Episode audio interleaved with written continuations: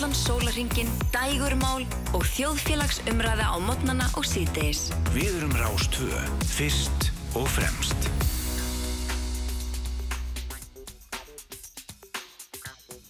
Ég kom með þess alveg Þá leggjum við að stað hér á Rástvö.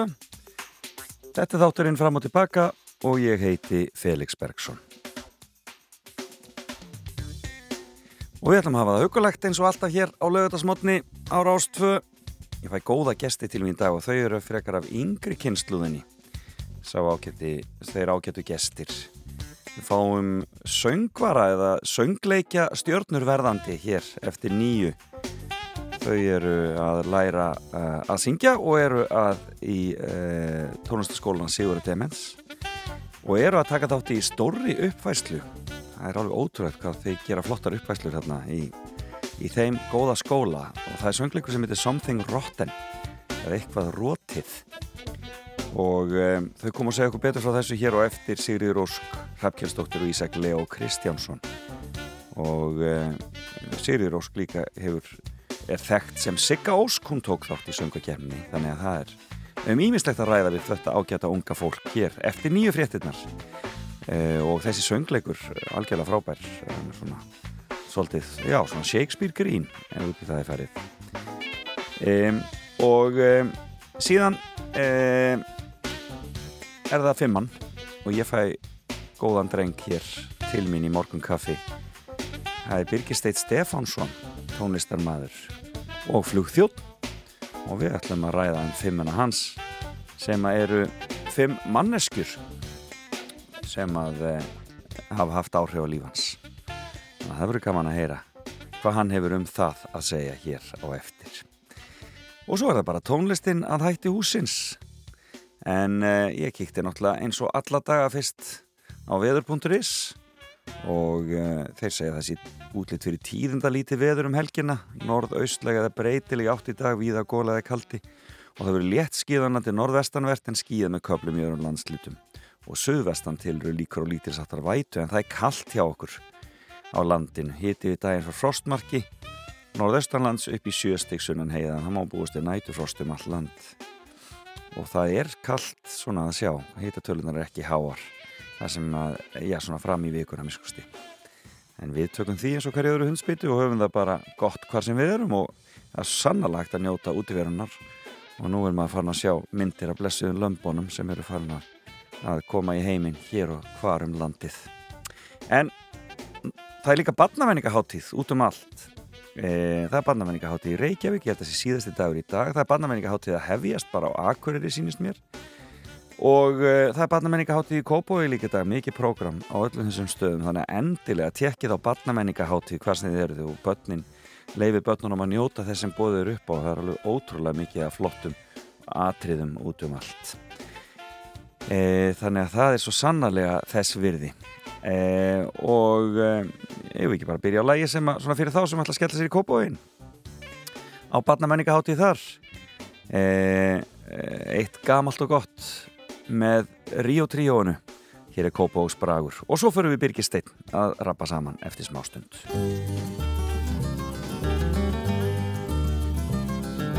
Lít ég hér laungum lögregluna dýra með öllum augum umferðinn í stýra hún er helst á róli við hafnar gerðar vegin vittlausu vegin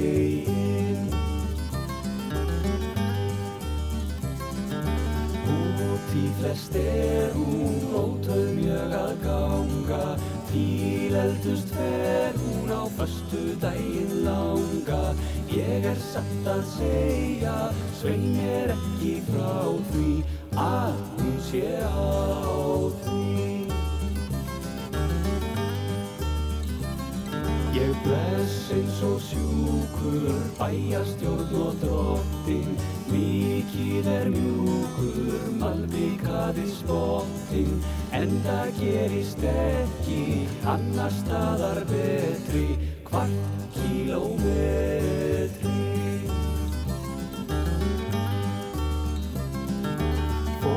Fórustu flokkar, flest er að í gjörðu Sundhöllin okkar svo komst upp úr jörðu. Og sköflar þá ímsum orðið málaðaða búking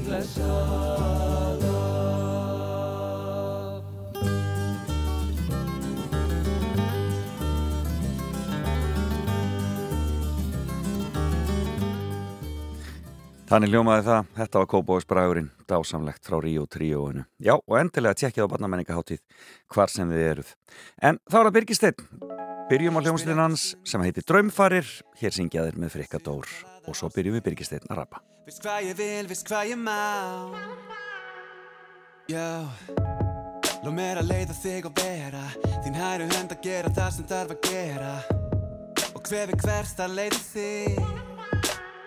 Já Finnst ég finna hinnað innan. Og ef að þér leiður einst á uh, Ég fikra mig nær þér. Þú fikraði nær mér.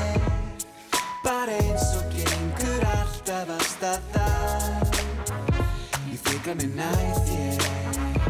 Þú fikraði nær mér. Eitt augnablik er er eins og var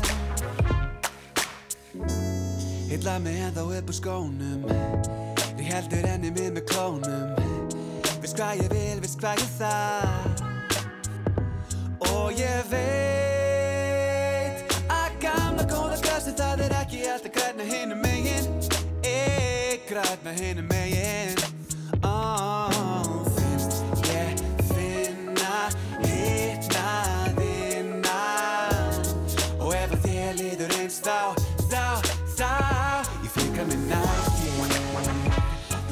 Þú fikrar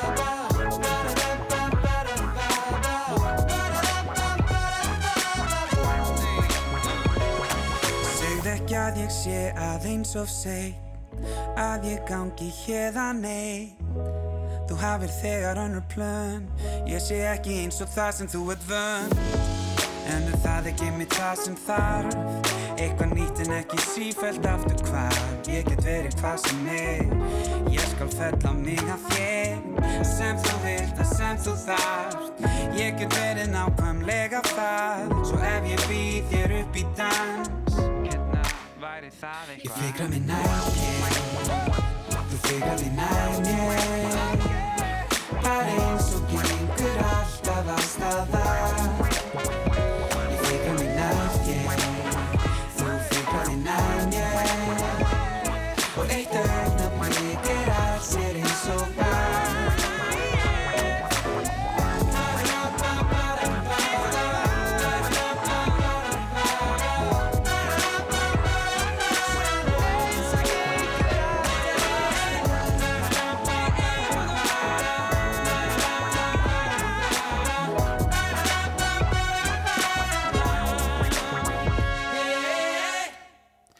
Já, þarna hlustum við á hljómsveitina Draumfarir og með þeim eh, Friðrik Dór og lag sem að heitir Nær þér. Og þetta er sem sagt duett Draumfarir sem er skipa Ragnar Mári Jónsson og viðmælandi minn sem er sestur hér hjá mér Birgir Steit Stefánsson, hjartanlega velkomin Takk fyrir. Kanski fyrst svona, ég spyr yfirleitt eh, gesti mína sem koma, ertu, ertu A eða B manneski, ertu morgun maður? Ég er morgumadur Já, og ég hef það sennilega frá pappa minnum já, Hann var svona gæinn sem að reyf mig fram úr á mótnana og smurði samlokum með kæfu og eina með, eina með kafjar sko. já, þannig að það er, já, pappiðin er morgun maður, já. Já, hann hefur alltaf verið það. Og alltaf hérna, og hress, svona morgun hress sko, það er eitt að vera morgun manneskja Emitt, þú veist, sumir geta vaknað auðvitað á mótnana já, já. en eru ekkert endilega hressir sko. Nei, nákvæmlega. Ég svona hef fengið þetta bæði frá honum að vera morgun manneskja og Og morgun, hress Já, akkurat, það skiptir máli. En pappiðin auðvitað, uh, Stefán Hilmarsson tólestammaður En það, er náttúrulega, sko, hann vinnur mikið á nóttunni og svoleiðis Mhm. En kannski minkað svona í setni tíð. Já, algjörlega og núna komin í, í hérna, fasta vinnu, morgun vinnu Já, með, með tónlistinni líka. Já, og ég hugsa að það hefur kannski svona auðvelda fyrir honum hvað hann er mikil mor morgun manneski sko, að, að fara þarna yfir og þú ert þarna líka, en þú, en þú náttúrulega býrð ekki heima lengur, þú ert svona bara, já, farin að eiga þitt eigið líf Einmitt. þannig að þið byrjið, þið byrjið dagana snemma Já, ég gerir það sko, Já. þú veist, þó ég sé ekki að vinna því núna er ég sko að vinna sem flugþjón Einmitt. og, og, hérna, og það virkar þannig að ég kannski að vinna tvo dag í viku og svo kemur bara þryggja fjöra daga frí Einmitt. svo tek ég, þú svona kemur í törnum sko. Ferðu þá í stúdíó eða ferðu þá að vinna bara heima Já, yfirleitt sko, bara segjum að ég sé á frídegi Já. í vinnunni og, og hérna, kærastan er alltaf að vakna hana elsnema, hvað, sjö, cirka Ok, þá vakna ég yfirleitt bara með henni, mér finnst það bara fínt. Fer bara í, ég er svolítið duglar að fara í kalda sturtur og fer í hérna kalt bað líka. Ok, svona kulda, sko. kuldamaður Ég já. er mikill kuldakall sko. Og, hérna, og þá er ég með, sko, bara svona á svona frítum þá er ég rosa duglar að fara í stúdíó. Og ég er með lítil heima stúdíó heima sko, Æðislegt. Sem er svona þú veist, að því að stúdíóð sem að ég hef verið að taka upp í svona síðastliðin f- fjögur, fimm árin, það er út á Granda sko, Já. ég bý í skilið þannig að ég skýst aldrei, að ég ætla aðeins að syngja einu rödd Nei, nei, þá er betra að gera þetta bara heima Já, betra að gera saman. bara heima En ertu þá sko, þegar þú ert að semja mm. Er það gert í stúdíónu, er það stúdíóvinna eða er það, er það í, í sófanum frammi? Það er heima Já, Ég fæ, sko, ég hef oft reynd að fara í stúdjó til þess að semja Já. en, en þegar ég, sko þegar ég reyna að þvinga eitthvað út úr mér, þá virkar ekkit og þá kemur ekkit, ekkit endilega gott. Uh, og pist, lang flestar hugmyndir sem ég hef fengið, sko, þá var ég bara í umferðinni eða liggur upp í rúmi og stundum er ég að fara að sofa og fá einhverja hugmynd, það er ekki gott sko. Já. þá þarf ég að kíkja inn á klósit og, og syngja inn í síman passa Og passa við ekki kæristuna, hver er hvað er kæristuna? Rakel Sigurðardóttir. Unnusta fyrir ekki, ég Unnusta, verða já. að fara að venni með þessu. Já, hún er unnusta. Til hafmyggju með það. Takk, takk. Skemmtilegt. Heyrðu en það er já, já, Og um, þú, þú, þú ert uh, búin að ákveða hvað þú vilt ræða? Já, heldur betur. Já, Ég ætla að byrja þetta rosa típist Já. og ég ætla meira að segja að fá svindla hérna öllið í byrjun. Ég ætla, að- ég ætla að fá að segja mamma og pappi ég, það er svo leiðis, ok. Og ég vona að sé lagi. Þetta er svona fimm manneskjur. Já, þetta er þeir eru raunni sex. Já, Þannig að koma þau fram sem ein. Já, þau eru rauninni búin að vinna í mér allan þennan tíma Já. sem ein heild, Já. ekki segja það bara Einhvern veginn hef ég nú á t- tilfinningunni að Anna Björk móðin sé ekki mikil morgunmanneskja Nei, hún er það reyndir ekki Nei, það sko, var eitthvað með svona- pappa Já, Því það er munu þannig að milli sko þannig ég fekk, fekk svona góð blöndu Akkurat. en það Akkurat. sem að í rauninni ástæðan fyrir því að þau fara þarna og Fyrst- fara kannski fyrst, inn sko þetta er bara þetta er bara fólki sem búið að mynda mig alltaf þess æfi Já, það er óvægt að segja það. Og það er hérna allt frá sko eins og ég segi bara að vera morgumannskja og, og margir sko, nú er alltaf svolítið fyndið að maður er svolítið að tala um sjálfan sig sko, já Mhm. ég er rosa kurteis, ég er rosa þetta. En þetta er svona hluti sem ég hef heyrt bara frá öðrum sko, Já, ég sé, ég fengi svona þú veist, gaggrin í vinnunni og þá er oft talað um sko kurteis og skipulaður og alltaf voða hress já, rosa svona alltaf hress. og rosa sko, eitt besta hrós sem ég fengi, fekk ég frá hérna uh, gömlum fótbolta þjálfara mínum. Já. þá sagði hann sérst við mig að að ef þú væri aðeins betri í fótbolta Birgir, því ég var aldrei neitt spes Já. þá væri þú sennilega fyrirliðin og væri þar með að spila þetta leiki. Af því að þú ert svo góður sko fyrir hópin já, það er einhver svona stemming sko, alltaf að tjekka á öllum ekki bara þú veist hérna, hérna flottustu gæðanum í liðinu sko, alltaf að tjekka öllum, hvernig allir hafa það hvernig er þú skilur En finnst þér þú fá þetta frá fóröldriðinum?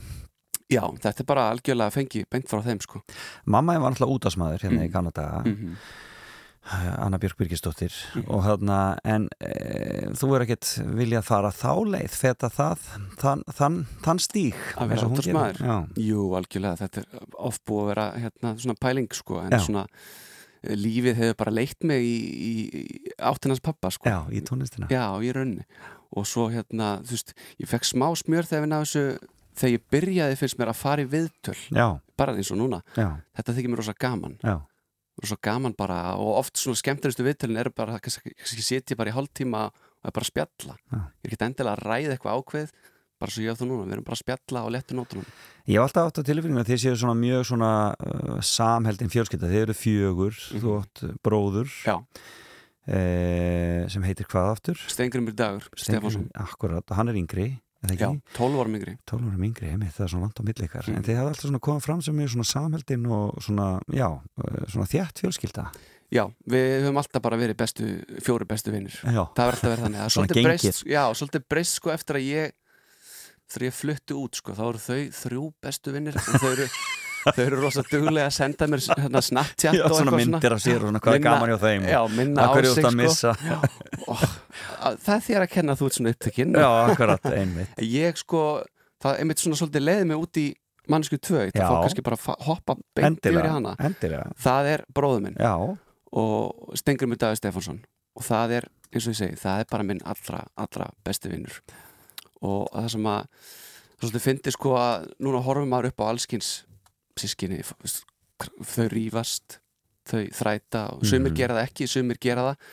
Og það er svolítið ótrúlegt sko með við líka sko það eru 12 ár á mill okkar. Það er rosalega mikill já. aldurs munur þarna á Já, milli mín og það munur. Uh, en samt sko, það er aldrei komið veg fyrir hvað við erum góði vinnir Sko ég meina þegar þú ert 15 hann er 30 ára skilur þetta er í rauninni þú ert bara farin inn í unglingsárin og, þarna á leiðin í mentaskóla og svona hann er bara ennþá, hann er bara smábatt Já, ég er hana í, í, í massífri gelgju eflaust sko og hérna, þegar hann fæðist. Já, ég reyndar sko, svona þegar ég svona hugsa aðeins út í það, þá held ég að ég hefði sloppið bara ágætlega út úr gelgjunni. Já.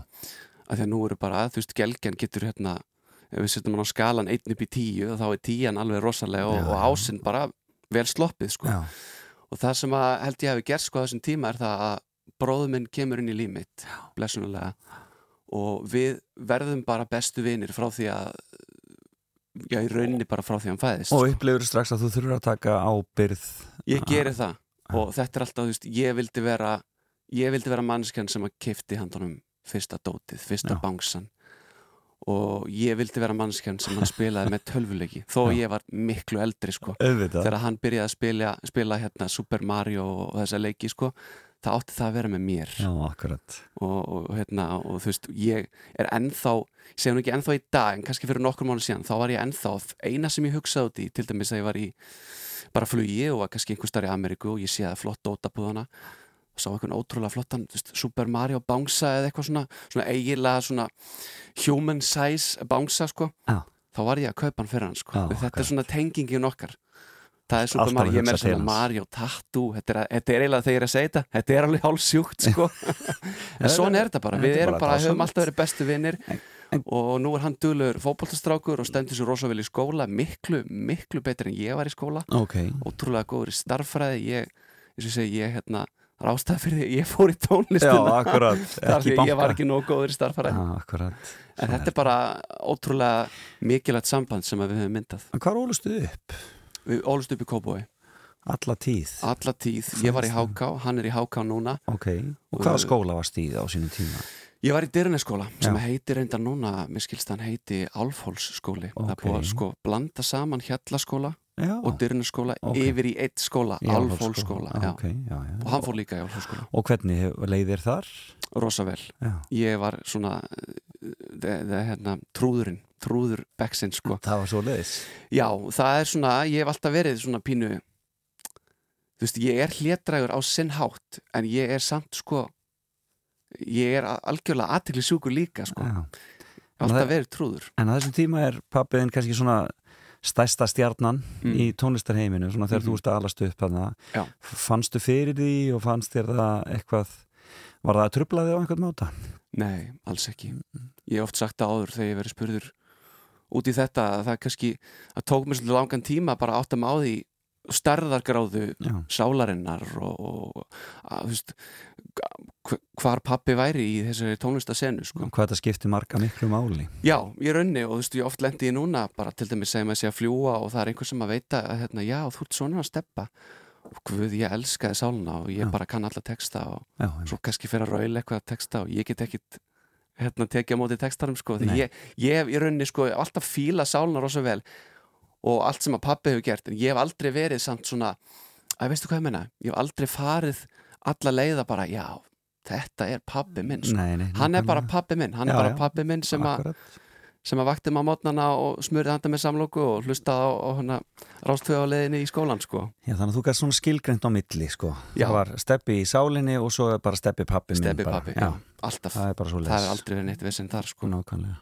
það er náttúrulega mikilvægt Já, saman sko, ég ofta ekki spurninguna Já, var þeir bara ítt út í tónlist að því að, að pappin var þar Það er bara alls ekki máli, ég held að Já, þau vissi ekki af því að þú veist þannig að, barðu svo við tónlist Nei, nokkuð? ég held Þegar þú hafi færð að gefa út músík það bara kemur þeim algjörlega í opna skjöldu? Já, ég gerði það Ég, sagt, í fyrst skipt sem ég kom fram þá var á, í útskriftinni úr, úr grunnskólanum þá Já. var ég búin að vera inn í herbyrgi að æða mig í algjöru, al, algjöru leini sko og, og hérna, spilaði sagt og söng í útskriftinni kom þeim þarna mjög mikið óvart sko svo fór ég að gera allskinn svona ábreyður á, á YouTube jólalög og svona Já, og þá kannski á endanum held ég að pappa hugsa já, já, hann er bara ágætur strákurinn akkurat, þetta tekur að það þarf að æfingi skapa mestarna líka Segir. Hver er þriðja manneskjan sem þú vildi minnast á? þriða mannskjan og núna segi ég þessa mannskja því að við erum að taka þetta í réttir röð sko. Já, já, akkurat. byrjuðum frá blötu barnspenni og erum að færa okkur ofar sko. 12 ára kom bróðin inn í lífið þitt og ég myndi segja að, næst sé það David Beckham. Hvorki meirinni minna. En að minna. Það er svona sko, þarna var ég mikið í fótbolta Já. eins og ég kom inn aðeins inn á hann. Og á þessum tíma Spilaði með HK spilaði með Háka á þessum tíma. Og David Beckham var svona sko hann var miklu meira en bara fótboltumar, hann var líka þú veist, hann var með hárgreislunar, hann var Akkurat. með fötin og Já, kom með hennan stíl sko, Það var svona lífstíls-íkon líka já, svolítið. þetta var ekki bara snýrist ekki bara um sportið sko, þetta var bara eins og segir, lífstílinn sem að David Beckham lifði Já. og ég var vanur að fara bara á hárgreisstofur og ég baði bara um nýjustu David Beckham greisluna sko, ég held ég sé búin að vera með einhverja, einhverja 15 David Beckham. Beckham greislur sko, það var hanakampur vennilegur sko. Já, svo var það hanakampur með hérna hvítum liti. Svo svo sapnaði ég hári alveg, ég sá hann alltaf komið sítt hári og Já. oh, ég var að láta lita hanakampur, Eh, Já, þá fór ég að sapnaði hári og með spöng eins og hann var sko. Já og þetta, eh, sko á sínum tíma þá klættist ég bara eins og David Beckham með þess að bara í skólan sko. Er já, og þetta, Og brjálaður mann jú náttúrulega aðdáðandi fyrir vikið og svo leiðis eh, ég reyndar er Arsenal sko. Arsenal? Já, ég hefði alltaf verið til í að hann væri þar en svona okkar á milli og kannski ekkit endilega okkar á milli að ég er að segja þetta hér og nú sko, þá var ég alltaf líka lúmst mannjú út af Beckham sko. Já, og eiginlega sam og segja með Ronaldo þegar hann kemur inn sko. en Akkurat. Beckham var svona á þessum aldri þessum gríðalega erfiðum úling, unglingsaldri þá var hann svolítið ædolum mitt sko. Þá skipti líka svo miklu máli hann, hann var með jákvæð skilabóð, hann var Já. frekar og, hérna, frjálslindur Mm. hann veist, talaði fyrir uh, góðum hlutum í rauninni á þeim tíma já, þannig að þetta skipti allt máli í rauninni Já, og skiptir gríðarlega miklu máli var mjög professional í öllu sem hann gerði Já, maður hugsa núna þegar maður sér stráka vera að dyrka þennan fá þetta þarna Andrew Tate skilur maður hugsa bara oh, í Já. alvöru sko, Já, þetta, reyndar, er sko- þetta leiðtói í lífsins sko? ég hef ekki kynnt mér þennan mann mikið sko en ég hef séð svona, svona brot bara á þú veist Instagram og eitthvað svona Já, og ég skil ekki og ég fatt ekki hvað hvað strákar sjá í þessum náunga. Mm, þetta er bara já, er hróki, þetta er bara er ekkert annað en hróki já, já, hrókafullt og, og hérna, en það er eitthvað svona, það er eitthvað, það er eitthvað vöðvarnir og eitthvað stælarnir og, og konurnar og eitthvað. Já, David. Beckham var með vöða Já, það er svo sannarlega. Og hann var með frábæra konu líka og er ennþá með í dag. Sannarlega, Mm. sannarlega. Já, skemmtilegt, hefur hann hitt hann? nei, ég hef ekki hitt hann. Aldrei þegar hann kom hérna í lagsveiði eða svoleiðis? nei, ég hef hitt nokkra fræga uh, bara svona óvart já, sérstaklega þegar ég verið að ferðast erlendis uh, og hérna, en ég hef ekki hitt Beckham. Ég hef hins vegar hitt næsta mann á listanum. Já, við skulum geima það aðeins já, og taka okkur smá pásu og við ætlum að spila lag sem Mm. að, eh, já svona, kickstartaði þínum tónlistaferli mm. lagið Can You Feel It? Hvenar kemur það út? 2017 kemur lagið út 2017 kemur það út og það er bara komið í 2 miljónir Mhm. hlustana á Spotify mm. sem er eitthvað sem alla tónlistamenn dreymir um Já, þetta var eiginlega ótrúlegt sko þetta lag sko ég horfði rosa mikið upp til uh, Chris Martin á þessum tíma Já. og gerir svo sem ennþá í dag Já, Coldplay Coldplay, söngvarinn og, og, hérna, og, og langaði bara að semja tónlist þar sem að sko, fólk myndi hlusta ég vil bara hlusta á lægið með þess að án texta, bara með læginu og já. að það myndi það samt skila gleði og, og, og, og í rauninni bara þú veist, fólk yrði að dansa og komast í gott skap Frábært. Skulum heyra Can You Feel It og svo höldum við Birgir Steit Stefansson áfram að spjalla.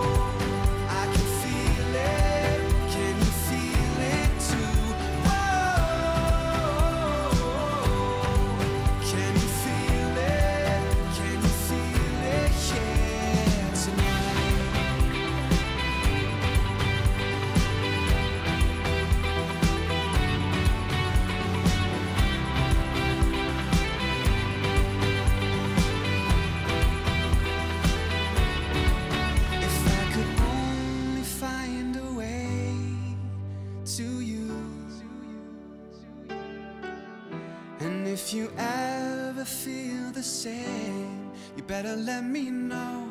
You better let me know.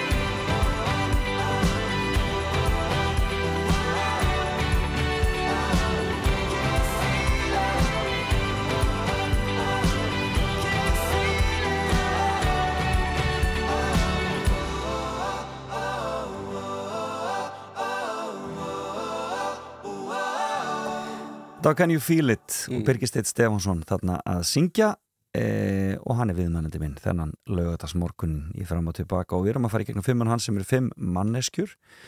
Mamma og pappi fengi að vera svo fyrsta.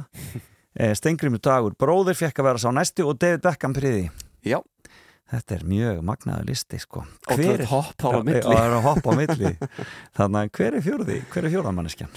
Fjórðamannskjan er sennilega svona minnst þekkta mannskjan, allavega hérna heima sko myndi ég segja og ok. kannski bara, vini mínir segja oft, sko, hver er þetta? Þetta er trommari og þetta er trommarin í hljónstunni Muse Já, hann heitir Dominic Howard ok er frá Breitlandi, Breitlandsegjum og þetta er myndi ég segja að hann hefur tekið við David Beckham ótrúlega góðum tíma af þessum tíma þá er ég að hætta í boltanum Já. Og, og hérna fer allt í einu rosa mikið út í tónlist. Tekur svakalega beigju þarna. Ok, og Dominic Howard, trommarni Muse var svona varð bara rosalega fljótt svona átrúnar góðum mitt. Já. Tók við að Beckham líka bara í tísku. Hann er rosa, bara, ef þú googla þennan gæja sko, hann er rosa mikill svona tísku gúrú líka, hann var oft svona veist, Ok, hann spila í gulum þröngum gallabuxum og fær, fór svo verið í læmgrænar svo var hann í hlébarðaból og Akkurat. skilur mig en skemmtilegt og, og Svona hérna, gaur þetta- sem að til í að leika sér aðeins já, já, og bara svona. algjörlega óhrættur Fyrir það- utan hvað hann er geggjaðu trommari Já, Mjús er náttúrulega keirt áfram að þessu manni það er Já. engin spurning sko. þetta trommur, þetta bassi og þau sko ástæðan fyrir því að þetta er frábær tímasetning, hann svona tekur við David Beckham uh, er að því að þarna allt í hennu fór ég bara að hugsa hei, ég er bara ofbóðslan áhuga tónlist. Já, frábært. Og, og hérna Fórstu að sjá þá þegar þið komið hérna til Íslands? Ég gerði það ekki á reyndar Airwaves 2020 og allt og sent sko, ég Mhm. mistaði manna fyrst fyrstu tvö skiptin sko. Einmitt, akkurat. Ég sá það bara 2020 eða 21 sko. Já.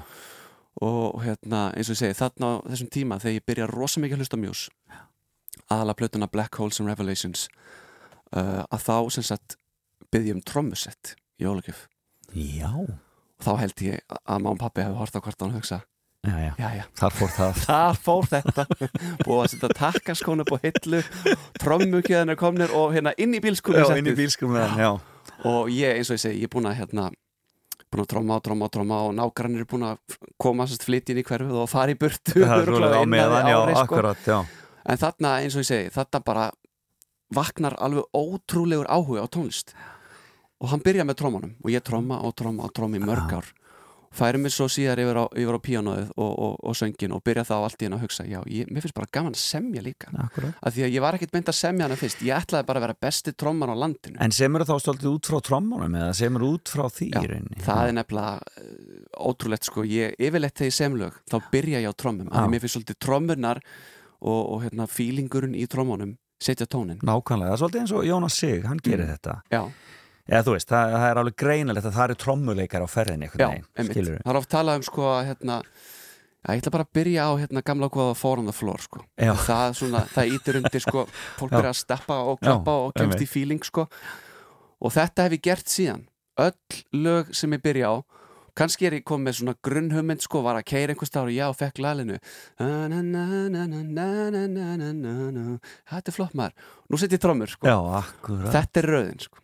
Og, og hérna, Dominic. Howard ekki bara út af þessu og fekk mér svona til þess að byrja í tónlistinni heldur líka bara að byrja að þóra ég mætti í skólan í, ég var fyrstur sem mætti í hvítum galaböksum, það er mjög eftirminnilegt sko, ég mætti í hvítum galaböksum í skólan, það var rosa mikið gert grína mér sko, og, og svona fyrst sagði ég við strákana, hvað ætli þið bara að vera risaðlur í, í tísku, nákvæmlega. Þetta er máli í dag sko, hafði Já. ekki tjekkað þetta í Bretland svo, og svo á, á endanum sko, þá sá ég að Dominic Howard honum var alveg sama hvað öðrum fannst. Já. þannig að mér byrjaði að vera alveg sama hvað öðrum fannst. Briljant svo fær hann sig yfir í guðlabuxur, þá leti mömmu leta hvítabuksunar Já, og svo grænar, ég var að leta þér Birgir. Já, Bara bæta bláu við, þá gerði þetta komið sko.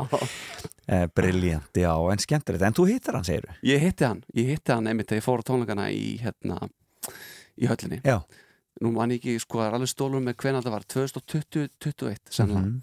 þá fór ég sérst eftir tónleika og fórum við nýri bæ nokkrir strákar saman og á bara, ég, að þetta var allir, þeir hafa allir komið á COVID-tímanum nei, þetta hefur verið Fjandakvöldin, 1920 já, bara 1920. rétt fyrir COVID Já, sko. einmitt og, og hérna, og ég fennir í bæ og er ekkert að spá endilega sko að fara að hitta þá eða neitt slíkt sko, ég Mhm. bara var nýkomin af þessum frábæru tónleikum fennir í bæ með strákunum og við ætlum bara að fá okkur eitt og drikki og hafa gaman og þá ringir vinkonum inn í mig.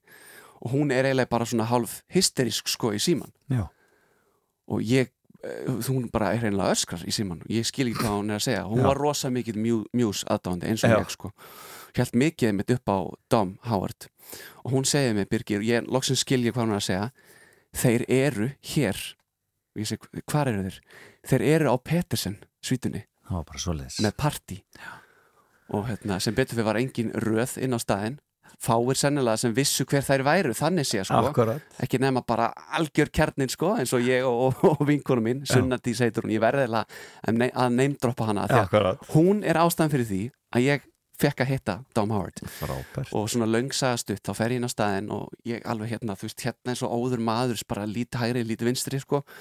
Og sé að það að sko setja svona einhverja keilur þarna þú fer upp liftuna og þá ferðu hægri að vinstri Já. og vinstra megin var eins og var búið að svona afmarka svæðið þar sko. Já, þar var eitthvað sér svona partí. Og ég fer svona á að reyna að kíkja inn sko. Næja svindla mér inn sé engan þar fer svo út á útisvæðið og þar sé ég minn heitt elskaða Dóm Howard. Já, og ég sko hef aldrei orðið svona, þú veist starströkt eins og þarna. Já. ég stóð bara og ég horfði og það enda með því að vinnu minn, Andri Þór Jónsson sem að síðar semur með mér alls, allskins lög og Já. þar á meðal Can You Feel It hann sagði við mig Birgir, þú verður að fara að tala við hann. Þú munt sjá eftir því að eilíf ef þú fer ekki að tala við hann. Akkurat. Og ég fór að tala við hann og ég, ég man ekki hvað ég sagði ég var öruglega eins og bjáni sko. Og einhver vinkona hans var með honum og hún tók mynd af okkur og hann var rosa næs hann var mjög bara góður og, og hann svona eiginlega hlópínu af því að ég stamaði hreinlega, ég var svo stressaður sko. og bara þetta var indislegt að dásamlegt hitta hann. Og þetta var svona þetta var, þarna tókst mér sko að haka í eitt bucket list boxið. Og, og hérna ég mun aldrei sjá eftir þessu, þetta er rétt það sem Andri sagði. Þetta minnir á söguna þegar pappiðin hitti McCartney sko. já, einmitt, Þetta er bara sama, sama. ég, Það er einhver ringdi, rokið nýr í bæ Já, já, já. og eitt af viðkomandi. Já, erum með að sjá pappa fyrir mér svona sko. Mr. McCarthy. Algjörlega, það var alveg Já, já, svona dásanlegt Heyrðu, það er Dominik Hávart, hver er fymtamanneskjan? fymta mannskjan og sko, ég er eins og ég segi ég er komin í svona veist, í rauninni bara komin til nútímans. Já, getum bara orðað þannig. Já. og ásamt því að vera í nútímanum þá langar mig pína að hoppa tilbaka. Og fymta manneskjan. Ert þú? það munar ekki um það, já, það er bara svoleiðis. Já og sko, þú kannski veist þetta sjálfur. Þetta er ekki bara því ég er hér stattur hér og nú. Já, þetta er, það er góð og gild ástæða fyrir þessu af því að þegar ég var yngri og var að alast upp við Disney myndir meðal annars að þá var, þá varst þú bara eina mínum hetjum. Það er bara þannig. Og ég hef alltaf sagt þetta við því þegar ég hitti og, já, já og við hefum samt aldrei svona einhvern veginn sess niður og, og rætt þetta sko.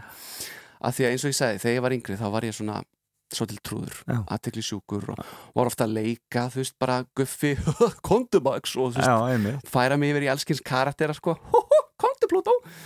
Og, og hérna Mikki og Guffi og þessi gæjar sko. Einmitt. Og þú varst Vitti, þú varst Aladdin og þú varst allir þessir þú varst Simbi, skilur mig, þetta er allar þessar myndir sem að ég sem að mamma og pappi þurftu tíu sinum á dag að spóla tilbaka, gamla góða spólan Já, að því ég vildi horfa aftur og aftur og aftur. Vaffa-essið alveg, gekk og gekk. Já, og ástæðan fyrir því ég sko segi er að þetta spannar frá nútímanum og alla leið tilbaka þegar ég satt upp í sófa að borða ostapopp og var að horfa á eh, Lion King í tíunda Einmitt. á hverjum degi. Að, því að núna þegar ég svona er aðeins að vera eldri þá finn ég bara mér langar að vera eins og þú varst að hluta til En þetta hefur leitt þig aðeins út í það að þú ert farin að fykta við uh, talsetningar Ég ger það og ég byrjaði núna í fyrra og er búin að gera búin að gera núna, var í Super Pets Já, bíómyndinni. já, þar var ég The Flash en skemmtilegt og, og hérna, einnig líka vondur nagris, svona vondi katt sko. Já. það var svolítið gaman sko að prófa þar að því ég, þú veist þið trúið ekki hversu oft ég hef verið heima bara að, að leika mér að gera allskins karakter. Að herma eftir. Já, hreinlega bara þannig að ég býð eftir að nákvæm með banki upp og spyr, spyr ekki hvort það sé ekki allt í góð Já, það er bara svolítið já, og það var rosa gaman þannig í Superpets að, prófa að vera góði kallinn sko Já. og vondi. Já, ég skil þig og þú veist, sama með sko, ég hefði í raunni alveg geta sagt sko Arnar Jónsson Já. eða Örn Arnarsson Nákvæmlega, veist, ég geti akkurat. nefnt endalust af fólki Jói sig og, og, Einmitt, einmitt. og þetta hefur hún og þú veist, þetta er bara eins og ég segi, þetta er svona þið öll saman að, að íslenska teiknumyndir upp á teiknumyndir mínar og gera það á ykkar eigin veg, það er bara eitthvað sem ég hef alltaf elskað. Já, skemmtilegt, gaman að heyra. En sko, gætur þú hugsað þér að fara bara í fast starf í þessu? Já, Í ekki nokkur- og ekki nokkur spurning. Þetta er bara, þetta er eitt af skemmtilegst sem ég geri. Já. og ég mani mitt sko fyrst þegar ég mætti pröfu að það var svo fyndi hvað ég var ekkert stressaður því að oftust bara stressið er eðlilegt Já, sko já, og einmitt. maður er að mæta á einhvern nýjan stað og, og segjum bara eins og ég held fyrirlestur, þá var maður alltaf pínu stressaður fyrst. Þegar ég stíð á svið og maður stressaður út fyrsta lægi eða eitthvað svoleiðis. Og þarna mætti ég og hann segir við mig, hann heitir Átni og er að vinna hjá uh, myndformi. Einmitt. Og hann sagði við mig, sko, þetta eru tveið þrjir kartir mér langar bara að prófa hvað röddiðin liggur. Og hérna, prófaði bara eitthvað. Já. og það, við það að hann sagði þetta, þá fór ég bara tilbaki í tíman og hugsaði, ég er bara inn í stofu Já, að leika mér Að að, gera gera þetta, eitthvað sko og hérna, ég verði að segja eitt besta rós sem ég fengi. Og þá kann vel, sko, getur vel, vel verið að þér finnst þetta óþægilegt. Það verður bara að vera þannig að hérna, eitt besta rós sem ég fengi var frá Átna sennilega þá sagði hann við mig að það er svolítið gott sko, svolítið gaman röddinina hún er svona hún er ungleg. Þú gætir verið að tala fyrir personu sem er kannski bara úlingur og, ungur fullori maður en líka gætir verið svona aðeins eldri mannskja þú ert svona pínu eins og Felix munar Búm. ekki? Já, hérna hér. Þetta fekk ég sko og ég er svo náttúrulega þú veist sagði nei nei, ég, nei nei nei þú veit að miskila ég er ekki Felix Bergsson en, en takk samt. Já, já skemmtilegt En sko, maður hefði ekki að ímynda sér að það væri ímsar aðra manneskjur þarna sem að þarna, kæmin á listan. Og eitt er kannski Ragnar Már Jónsson sem þú ert að vinna með í ég Þið hafið unni gríðarlega mikið saman.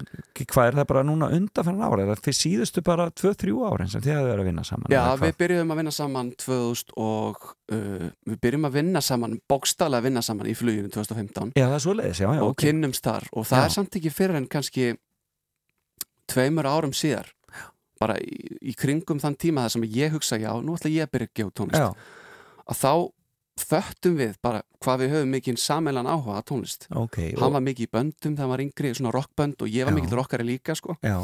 Og þetta er þessum tíma þar sem að ég kynnist honum almennilega og við fyrum að semja saman og á sama tíma var ég að semja með hérna, Andra, já, Tóri. einmitt og það er rauninni sama sagan þar sko, ég og Andri kynnumst í MK á sín tíma. Já, þá var ég sem sagt, ég var oft látin stjórna uh, hljómsveitinni í, í hérna söngkeppni í skólans. Já, ok. Þá var ég látin manna hérna, já, ég ætla að ringja vanda bassaleikari, hringja tolla hérna, ég ætla að ringja þennan og hinn sko.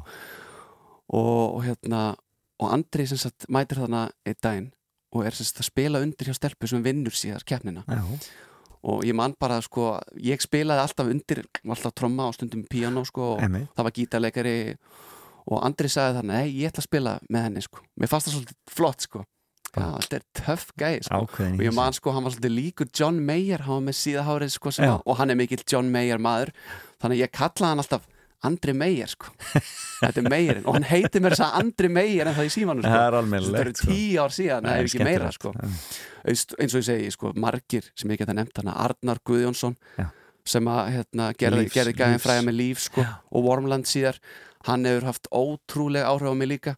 Hann er rauninni bara búin að vera pródusenti minn frá upphafi. Skemmtilegt. Og flutti núna nýlega til Svíþjóðar og hann er ennþá með þess að pródusenti minn sko. Þrátt við það. Já. Skemmtilegt þannig að þú veist, átrúnaðgóðin og, og svona fólk sem hefur haft áhrif á mig þau leinastu víðar og sama með bara veist, ef ég færi upp í tíu þá myndi ég nefna líka unnustu mína Já, og ömmu og þú veist, fattar mig. En þetta þetta er- er svona, þetta er toppurinn. Frábært, Eh, sko, að- samt ég, ég, ég get ekki sleppt en að spyrja það aðeins út í, þú hefur opnað aðeins um svona andlegarveika líka já, aðeins, já, já. um kvíða og annað slíkt. Hva, Mhm. hvenar svona, er, er það eitthvað sem hefur fyllt þér alla tíð eða hvað? ég held það. Og núna er rosa erfitt að hugsa uh, langt tilbaka og munna einhver smáatrið, sko, hvenar þetta byrjaði eða, eða hvers vegna. Ég held sko að eins og hérna sálfræðingurinn minn hefur oft sagt um mig sumir eru bara verða bara kviðnar en aðrir Já. og sumir eru viðkvamnari fyrir allskins að, uh, aðstæðum til þess Já. að verða kviðinir Já. og kvíðin hjá mér sko þetta er ekki beint sko eins og ég oft sagt við ég er, þú veist aðteglisjúkur og, og ég þarf að ég aldrei kvíðin sko að koma fram eða það, þá kannski kemur svona það sem fólk kallar eðlu kvíði Já. það verður pínu stressaður kannski og svo bara hverfu það uh, ég er búin að vera mjög lengi með það heitir sérst heilsukvíði Já, ég skil. Og frá því ég var bara úlingur og, þá, sem sagt, og var miklu, miklu verra þegar ég var úlingur áður en ég fór að vinna í mínum málum. Já. þá hafði ég bara, þú veist, heilsukvíði virka þannig að ég hafði rosa mikla áhyggjur alltaf af heilsunni minni. Ég skil. Ég mátti ekki fá hausverk sko og þá held ég bara ég væri bara með Já. og, og svo kolla kolli sko. En með, með góðri hjálp uh, sálfræðinga og, og hérna kannski bara kannski bara þú veist að hafa svona tekist að búa til mína eigin verkværakistu þannig ég get alltaf tækla kviðan þegar hann kemur, af því að hann kemur viða og kemur þú veist á ótrústu stundum sko. Já, allt í hennu bara þegar mér finnst ég verið í blóma lífsins þá allt í hennu skellur hann á. Og finnst þér þá, ertu þá bara verður um áttlös verður bara, þú getur ekki gert neitt það er bara Jú, ég held alltaf áfram. Já. Ég held alltaf áfram. Og, og, og einmitt sko sálfræðingum minn oft sagt mér, þú verður að stoppa. Þegar þú verður svona þá verður bara eins að stoppa og anda og hugsa um þig sko. Já.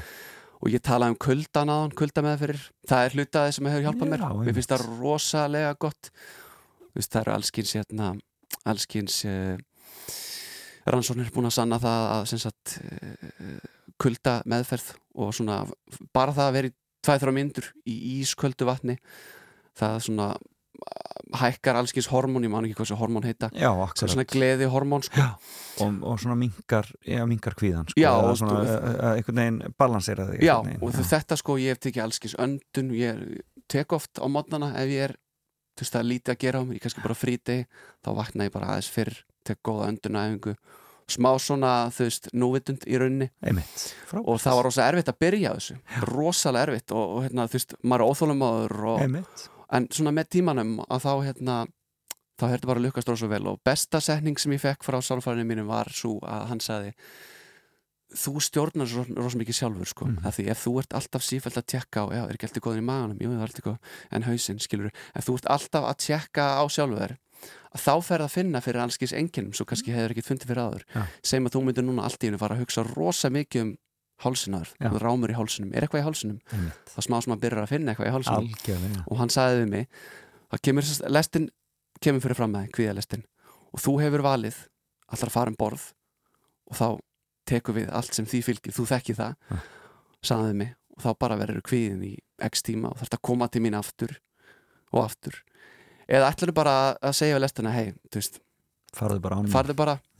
Farðu bara án mín, ég, er góður og, og hérna, svolítið bara að, að veist, hugsa þannig að ég get ekkert stjórna neinu í lífinu skilur mig, þú veist, einn daginn þá veikjast allir, einn daginn þá, þá hennar degi allir. Akkurat, og ég ætla bara að njóta þess að menn ég er hér. Dásanlegt, þetta er góðu loka orð þið voruð að gefa frá okkur plötu þið draumfarar menn Já. e, sem heitir, hvað, poplegum ástina eða ekki? Jú, rétt Hvað, hvað getur þú sagt okkur um þetta lag, svona titilæð, poplagið um ástina sem að Króli syngur með? þetta lag er, það er svolítið fyndið með þetta lag sko, platan var tilbúin og það var annað lag þannig í staðin fyrir þetta lag sko. og þá sem sagt hittir Raggi e, Kitta ég man ekki hvað er voru, krónun eða eitthvað og þegar ég fara að spjalla því við vorum búin að gefa út lag áður með Kitta, Ástu fyrstu sín hérna, Mm. sem að hérna, þú veist, fór vel í mannskapinn og, Já. og hérna, þú veist, var svo mikið spilið á útdarpi og við fórum að spila um þetta lag og fór alltaf rosa vel í mannskapinn bara almennt. Já. og þeir fóru svolítið að tala um að ekki bara gefa út annað lag og Kitty er rosa svona spontant gæi. Ofbóðslega flottur tónlistamæður og kann rosalega hérna, mikið að meta Kitta og hann kemur með hann upp á stúku ekki bara hittast, bara morgun, skilur og hérna ekki bara, jú, jú, svo ringir ekki í mig, heyrðu, bara, við þurfum aðeins að breyta hérna til og, og ótrúlegt sko bara á tveimur sólaringum, þá allt innu datt út lag sem ég man ekki sem hvað heitir og þarna kemur inn þetta nýja lag, poplæðið mástina það sem við erum í rauninni að uppgöta sameinlega ást okkar af svona háskóla rocki. Þannig við erum að blanda saman uh, okkar svona hljóðheimi sem er svona bara pop með svona allskins hljóðgerlum og eitthvað svo leis akkurat. blanda því yfir í pínu háskólarokk og búa til svona svolítið klísukendan poplag eða poplagsteksta í poplæðinu ástina. Dásanlegt. Kæra þakki fyrir komin, Birgir Steitt Stefánsson. Takk fyrir mig.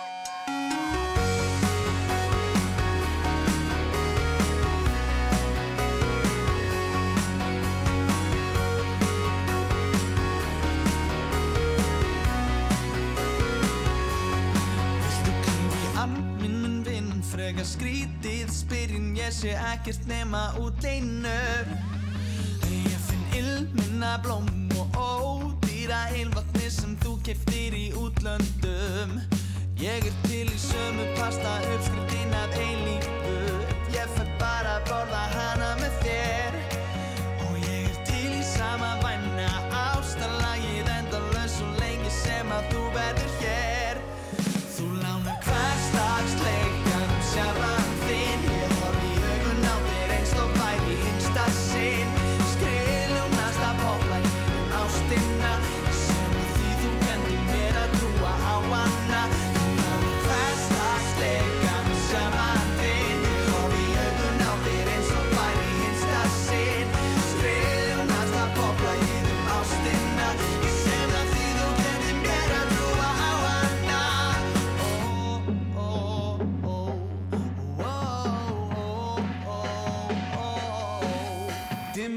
kjallari í Reykjavík að kastala í paradís. Þú ljáir dauðar hluti lífi finnst ég svífi staði Klísja kannski hver veit en þó veit ég fyrir víst Að vegur þínu meir en nokkur ormunni þá líst. Já, fimm árum setna og það byrðist ekki þreytast Heldur stökkbreytast og aukast. Ég sé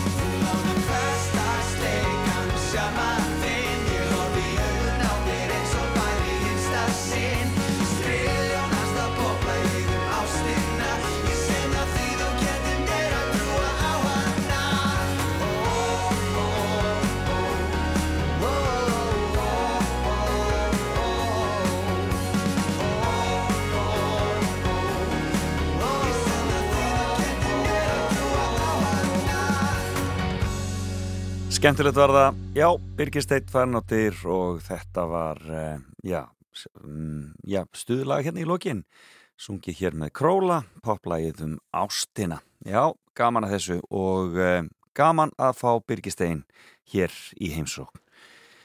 En uh, við erum að fara í nýju fréttir hér á Rástvö, byrjum á lægi, ljúkum þessu hér, þessum þennan klukktíman að lægi með hljónstinni Lukas Greyham Seven Years heitir það, þeir eru að fara að spila í hörpu núna í vikunni.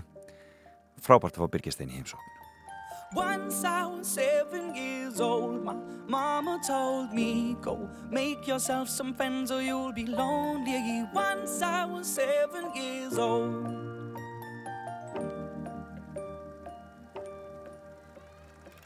It was a big, big world, but we thought we were bigger. Pushing each other to the limits, we were learning quicker. By 11, smoking herb and drinking burning liquor. Never rich, so we were out to make that steady figure. Once I was 11 years old, my daddy told me, Go get yourself a wife or you'll be lonely. Once I was 11 years old.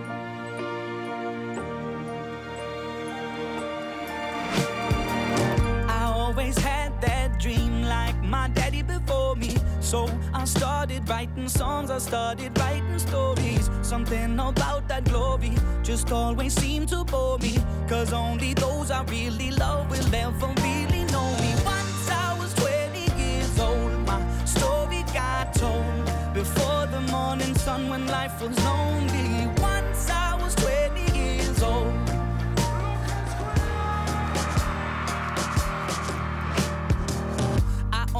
My goals. I don't believe in failure. Cause I know the smallest voices, they can make it major. I got my boys with me, at least those in favor.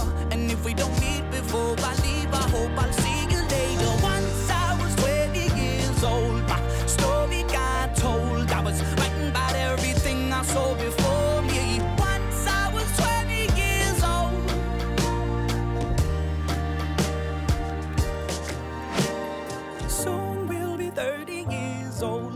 songs have been sold. We've traveled around the world and we're still roaming. Soon we'll be 30 years old.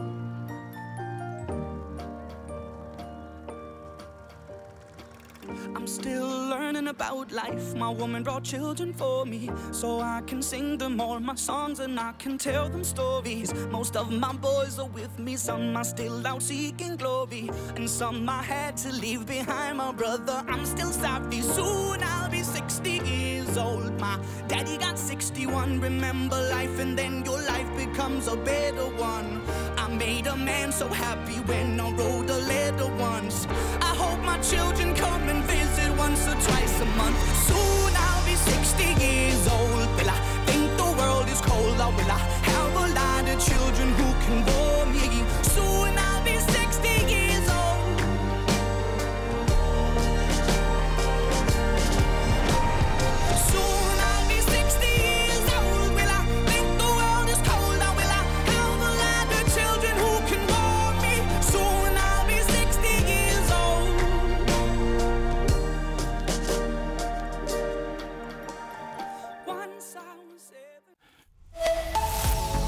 Fjölbreytt skemmtun allar helgar. Tónlist og grín, við erum Rástfö.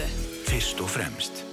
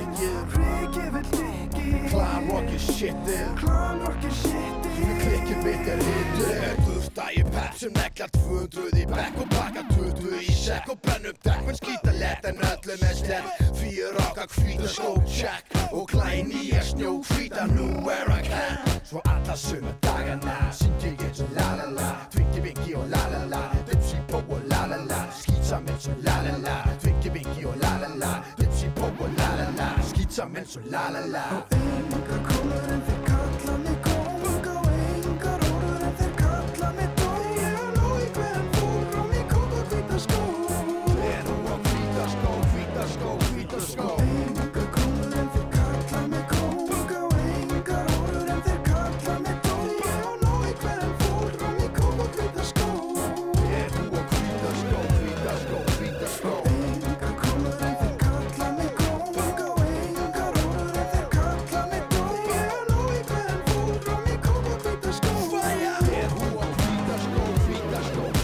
Þetta er skemmtilegt. Komið þið sæl aftur, þá höldum við áfram í fram og tilbaka. Og þetta voru þetta Blas Rokka þarna og uh, Ásgeir og Hvítir skór. Ásgeir Trausti þarna með Blas Rokka. Frábært. Er þetta ekki úr uh, hljómskálana bara hennilega, held ég. Hvað um það? Gaman að vera með ykkur hér á lögatarsmotni og við hefum vona góðum gestum hér í hús. Við ætlum að fara að ræða aðeins um nýjan söngleik sem er verið að setja upp, heitir á ennskunni Something Rotten. Held öruglega eitthvað rótið á íslensku. Ég spyr þau að því hérna eftir sem koma til mín að rappa. Það er Sigriði Ósk og Ísak Leo úr þessari uppsetningu. En já, hann var hérna í morgun að byrgi steinn og um, í dag ætlar Jón Ólafsson að halda stórtónleika í hörpu og um, það er um, í tilhefna 60 samælinu. Jón náttúrulega algjört, uh, já, algjört stórmenni í íslenskri popsögu, uh, óhætt að segja það og það verður, verður gríðalegt stjörnu flóð sem að kemur hérna við á sviðinu hjá, hjá Jóni uh, í kvöld. Þetta verður frábæri tónleikar í hörpunni uh, og uh, já, það er bara ótrúlegu listi. Uh, þau verða þarna Páll Óskar, Hildur Val og Maggastína til dæmis, K.K. kemur við sög og Valdimar og svo auðvitað hljómsveitir eins og Nýtönsk og Possibilis.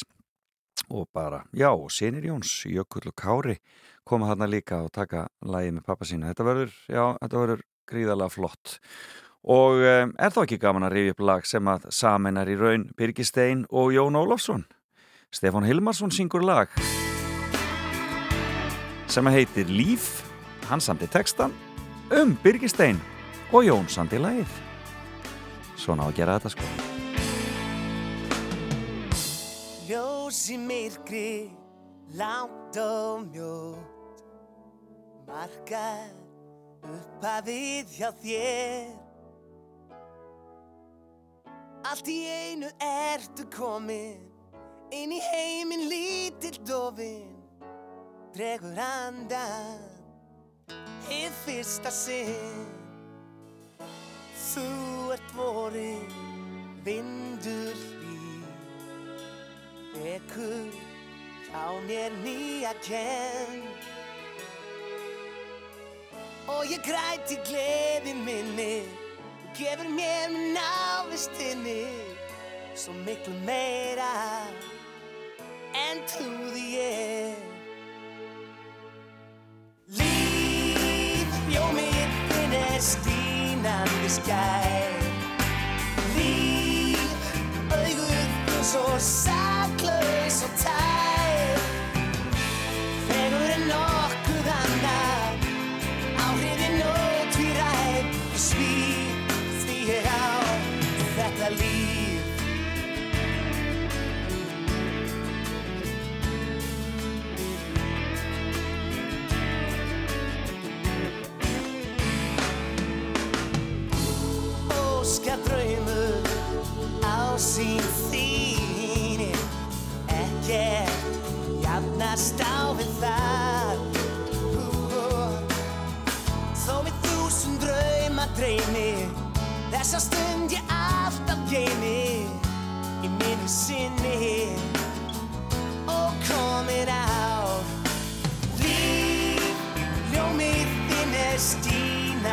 ég Líf, auðvist, því svo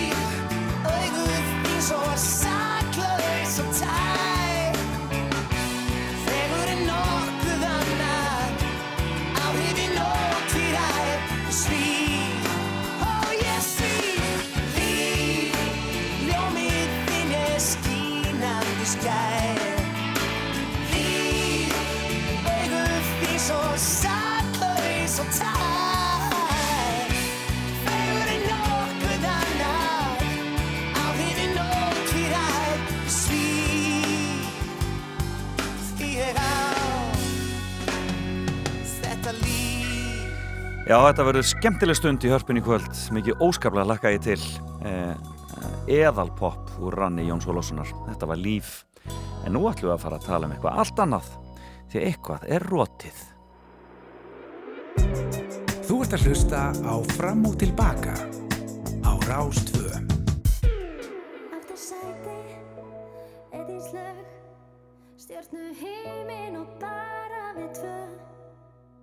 Brotin hjörtu, þóttnu tár. Hjöldan tímin að laga vel sár. Reykjavíku nætu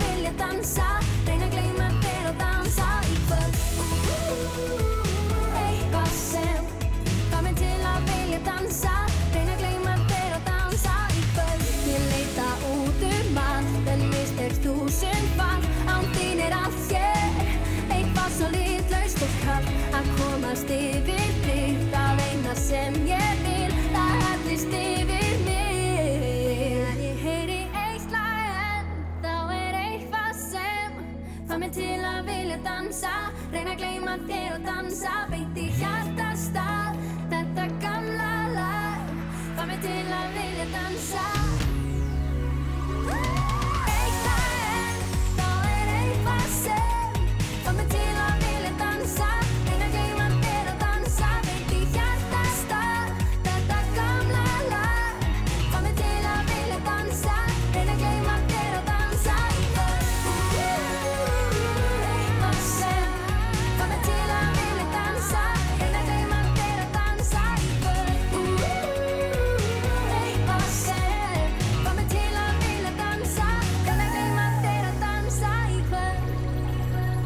Þannig hljómaði það, gaman að rifja þetta upp úr söngvakefninni. E, og þarna syngur Sigga Ósk, Sigriður Ósk Hrafkjelsdóttir og hún er komin til okkar hér. Góðan daginn. Ég hef ekki neitt segja nafnum mitt Svona, Sigriður Ósk Hrafkjelsdóttir, er það Ekki ekki? langan tíma Nei, er það bara Sigga Ósk? Það er alltaf bara Sigga Og, Ósk og með setum er þessi Ósk. Já, sko, það fyndið við það Það var í rauninni bara vegna þess að ég gati ekki skýrt mig Sigga Ósk með Essi á Instagram Já, ég að ég rettaði þannig og það væri bara ok, þá verður þetta bara listum Það er frábært, æðislegt, það er cool, það er mjög vel hefnað. Já, En velkomin, heyrðu, ég, mér sýnist að Ísak Leo ætli að, að, að lúra þennan lögatarsmorgunin. Já, það var náttúrulega frumsýning í gær og, og maðurinn er búin að vera undir miklu álægi hann er í öllum senum í Einmitt, leikritinu já, sko. hann að það er búið að vera mikið að gera. Já. Þannig, já, þið frumsýndu í gerð, við skulum bara fara beint í það. Það er Já. þessi söngleikur sem heitir Eitthvað rótið, Já, eða Something Rotten. mhm Um, fyrst, hvaða, hvaða, hvaða hópur er að setja þetta upp? Já, þetta er söngleika deild uh, deildin í, í hérna Sigura Demens þetta er söngskóli Söngskóli Sigurður Teimens. Já, og þetta er tíundi söngleikurinn Já. þannig að það er tíu ára ammali söngleika deildarinnar sko. En dásamlegt. Já. Og þarna sapnast stór, eru þið mörg í, þessu, í þessari deild og í þessum hópi? Já, ég fyrir eftir hvað þið finnst mörg nei, Já. ég myndi segja, nei, við erum svona í kringum 20 Já. þannig að það er alveg frekast strempið að vera 20 manns að setja upp Svona stóra söngleikur. Já, já.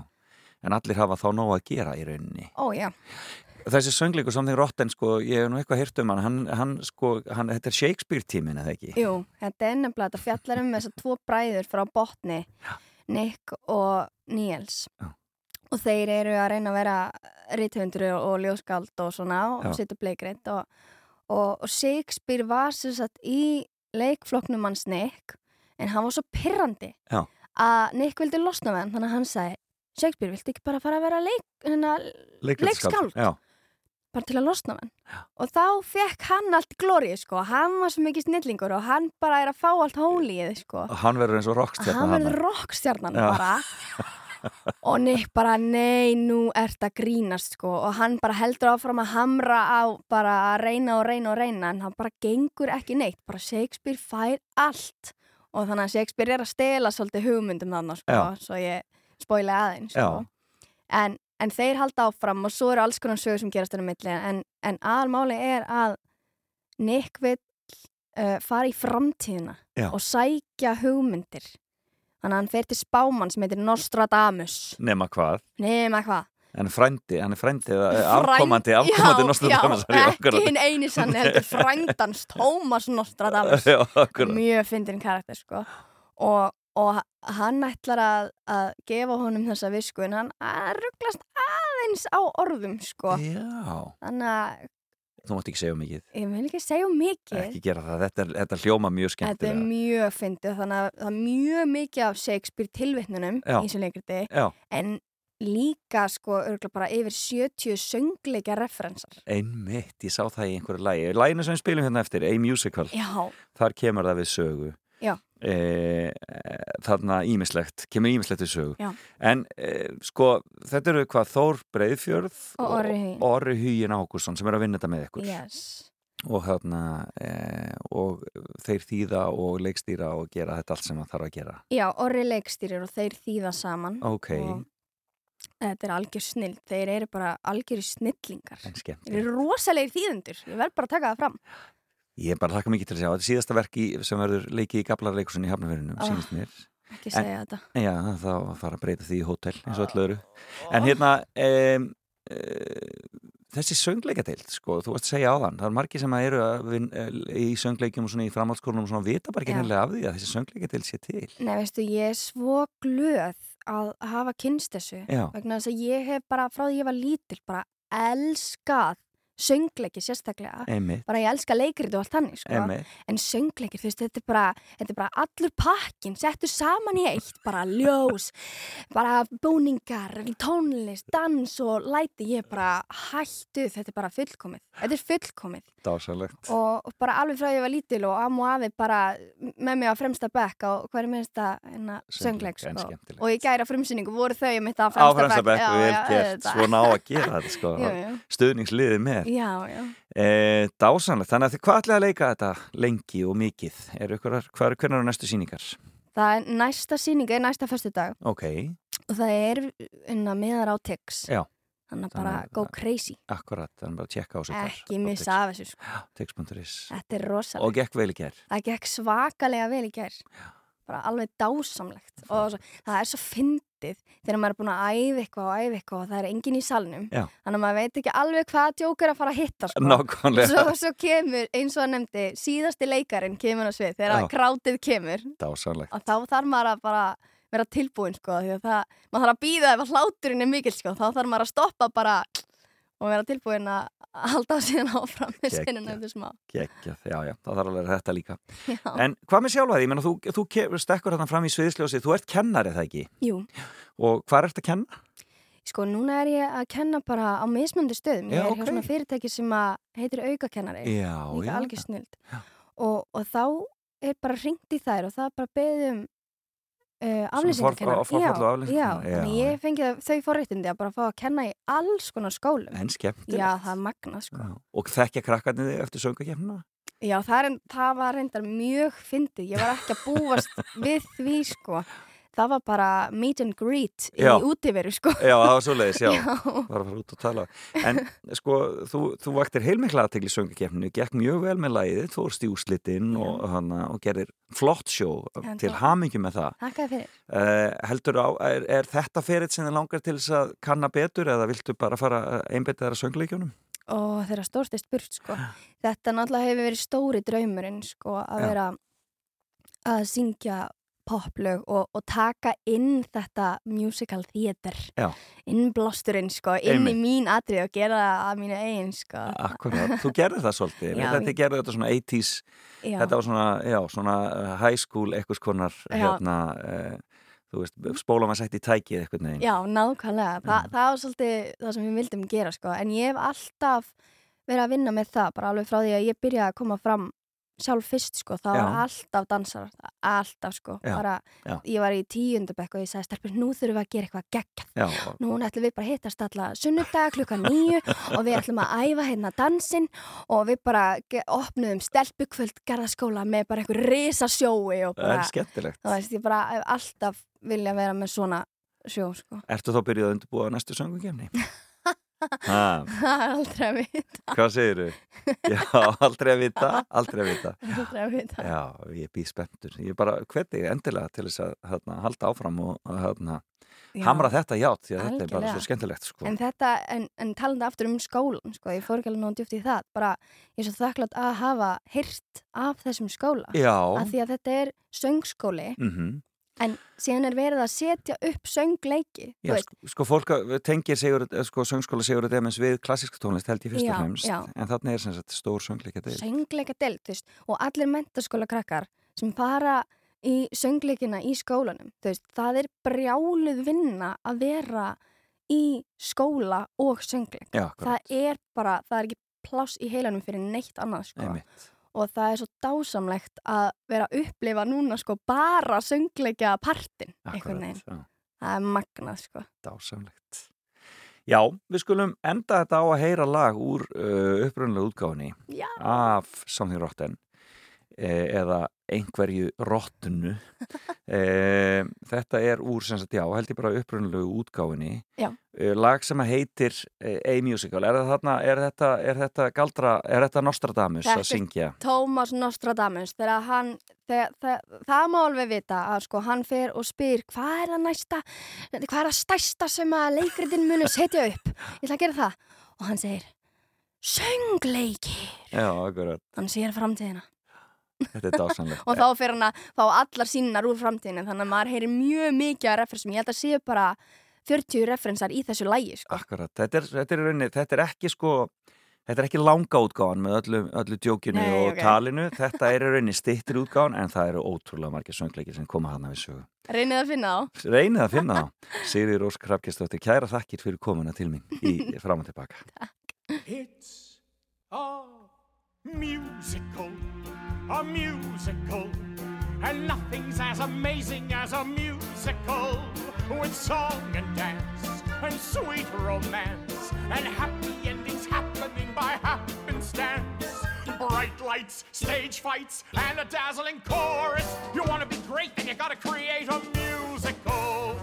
Feel that fascinating rhythm moving to your feet. Oh, oh. Uh, what is that? Feel your ass gyrating to that titillating beat. Oh, are you okay? You slap your lap, then fingers snap. That's when you know it's time to tap. Oh! Five,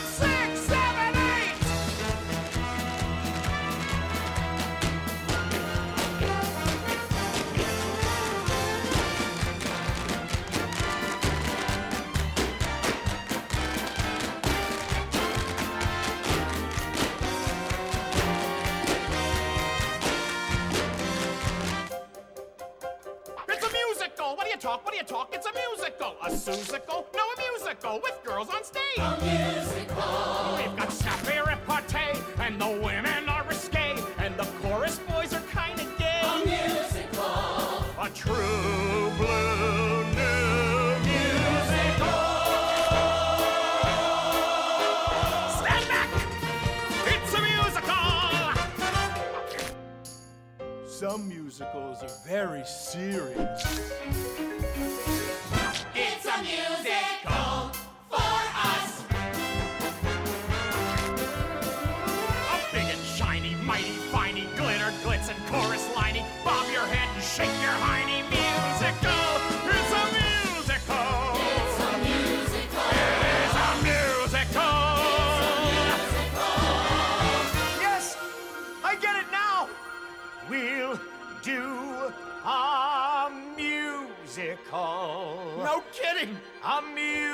musical. What could be more amazing than a musical with song and dance and sweet romance? And with a musical, we might have half a chance. Oozahs, big applause with everyone cheering.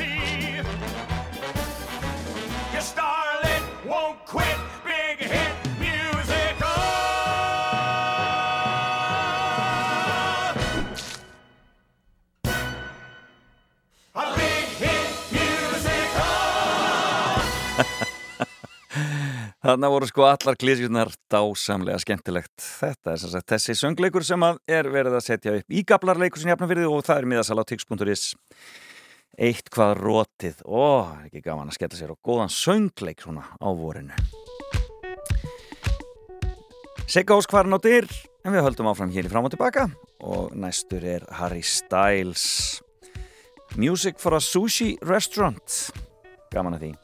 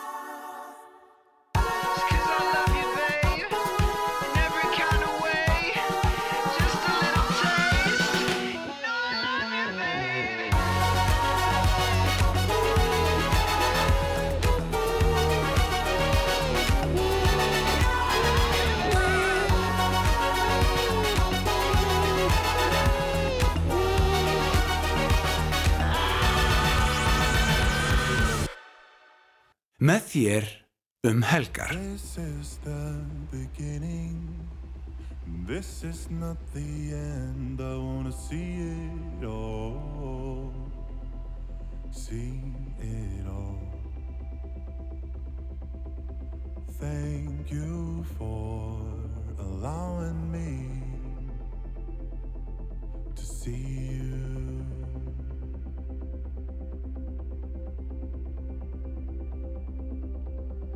And thank you for being here, lending me your time. But first of all,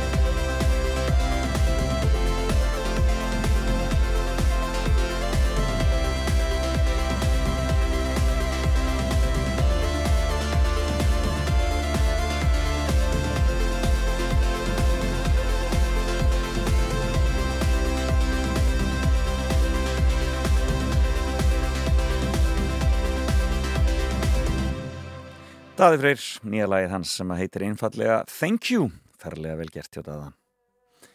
Hér er Dætó, eitt gamalt og gott, ég muni nú eftir þessu, það heitir Here With Me. Dætó frábær.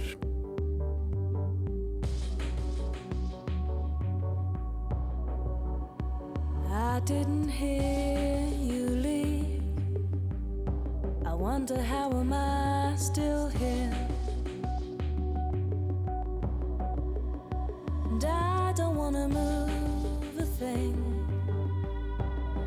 might change my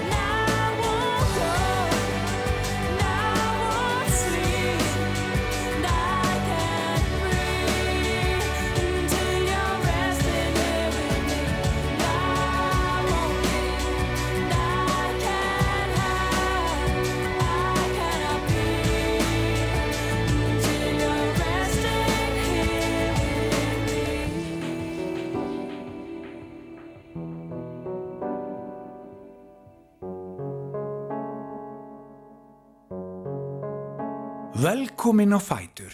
Fram og tilbaka á Rástfjörn.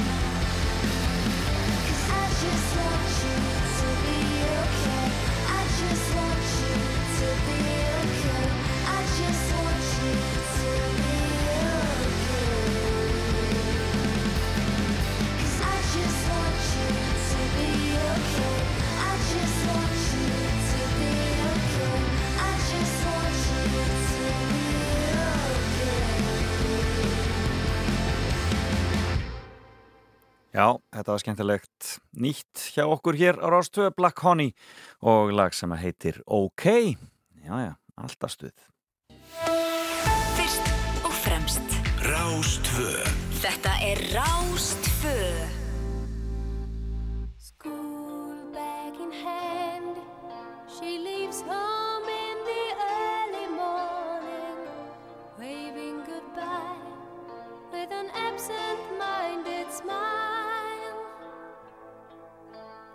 I watch her go with a search of that well-known sadness, and I have to sit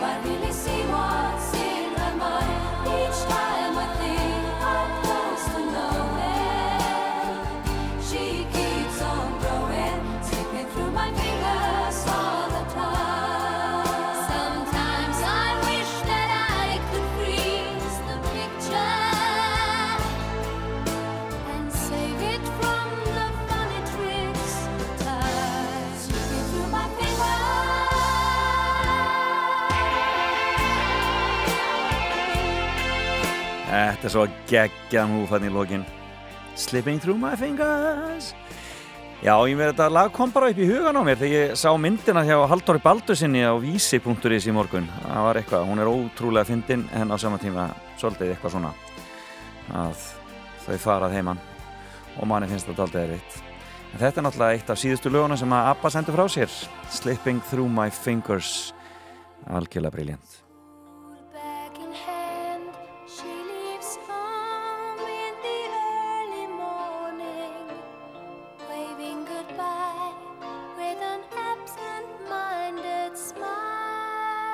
Dásanlegt. En hvað gerist ef við setjum Frikadór, GTRN og Moses Hightower saman? Ég held að sé bara reynlega þetta. Nýtt lag sem að heitir Springur út. Afsakið en mætti ég Fá að ræða létt við húsfrúna Af almættinu sendur er Hún þarf að komast aðeins út núna Hún þarf að dilla dilla bara dansa smá Tætt og trill að fá sér smá í tá það má Hú það má Hún fer að verða inni blóm. Hún er rótföst í inni skóm. En þó börnin séu sjampa fín Hún var í alveg til í kampavín Því hún var eitt sinn Bæði ung Og hæfilega framheipin Hvert fagnar frelsi fegin vill hún fljúa sé hún? Hún hrópar hæra heimur kanta heyra Fagnar hún Hún ætlar útlift henni út og sjáðu Hvernig hún svo springur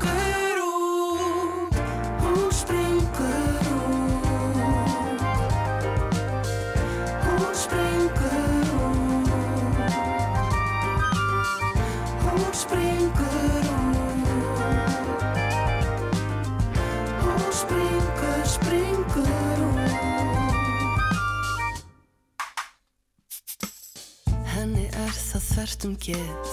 Að horfa heiminn út um rúðu gler.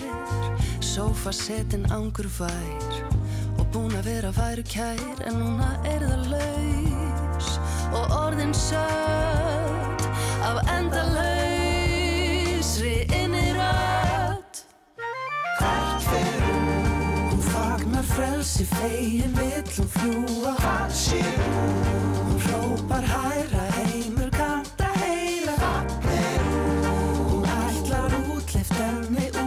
sjáðu Hvernig hún svo springur út. Afsækiði mætti ég Fá að ræða létt við húsfrúna. Og þarf að komast aðeins út. Hún fagnar frelsi fegin vill hún fljúa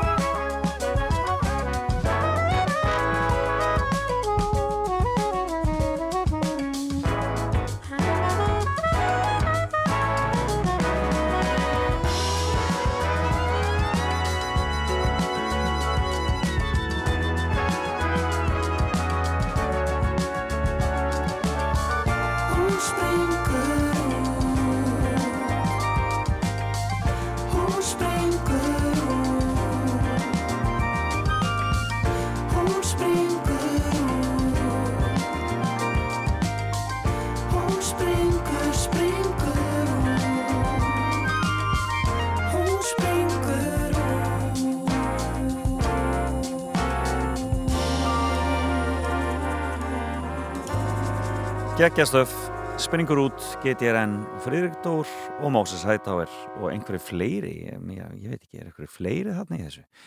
En þetta er mér svo alveg hrikala flott. Uh, já, stórsveit Reykjavíkur líka í þessu, þetta er almennlegt. En uh, þetta er búið hjá mér í dag. Búið að frábært að vera með ykkur eins og alltaf hér á lögadagsmorni. Salka Sól fer að taka við, ég þakka viðmælendum mínum sem var Sigga Ósk sem kom hér til að segja okkur af söngleiknum eh, eitthvað rótið og svo Birgir Steit Stefánsson í fimmunni í morgun og þið finnið þáttinn að sjálfsögðu inn á öllum eh, já, já, inn á miðlunum inn á rúf.is og inn á hlaðarpsveitum eftir bara nokkra mínútur. En takk fyrir mig í dag og Salka tekur við. Heyrumst aftur eftir viku. Endum þetta með lægi eftir Jón Ólafsson hér eh, frábæri samstarfi sem hann átti með Emilínu Torrini hér gamla daga. Boy Who Giggled So Sweet. Bless Bless He came with a breeze, she told everyone. In the cold, she would hold him and sing a song, sweet little